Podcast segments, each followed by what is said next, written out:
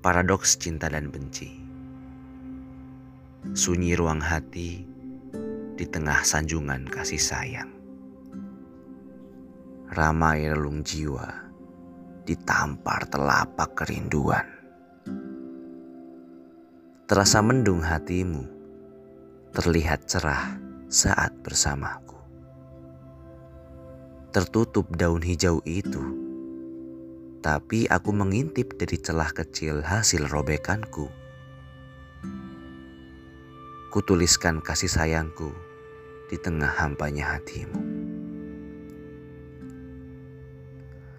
Aku tak begitu mengerti apa itu kasih yang biasa didongengkan oleh orang lewat kisah. Bercerita dengan senyuman tulus dalam perih hati yang penuh dengan luka. Kuambil perban dan mulai menempelkannya pada luka di setiap paragraf itu. Penggalan kata bahagia itu menitikan air mata. Membasahi baris demi baris kisah cinta yang kutulis dengan tangan yang sedikit bergetar. Hari bahagia. Kugoreskan pada tiap-tiap lembarnya.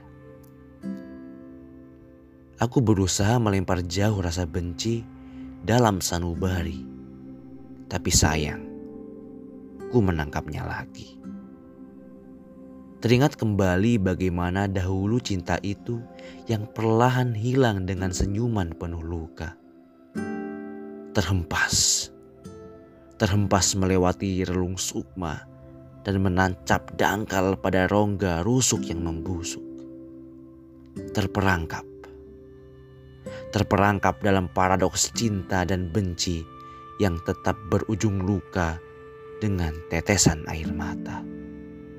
Maaf, maafkan aku salah.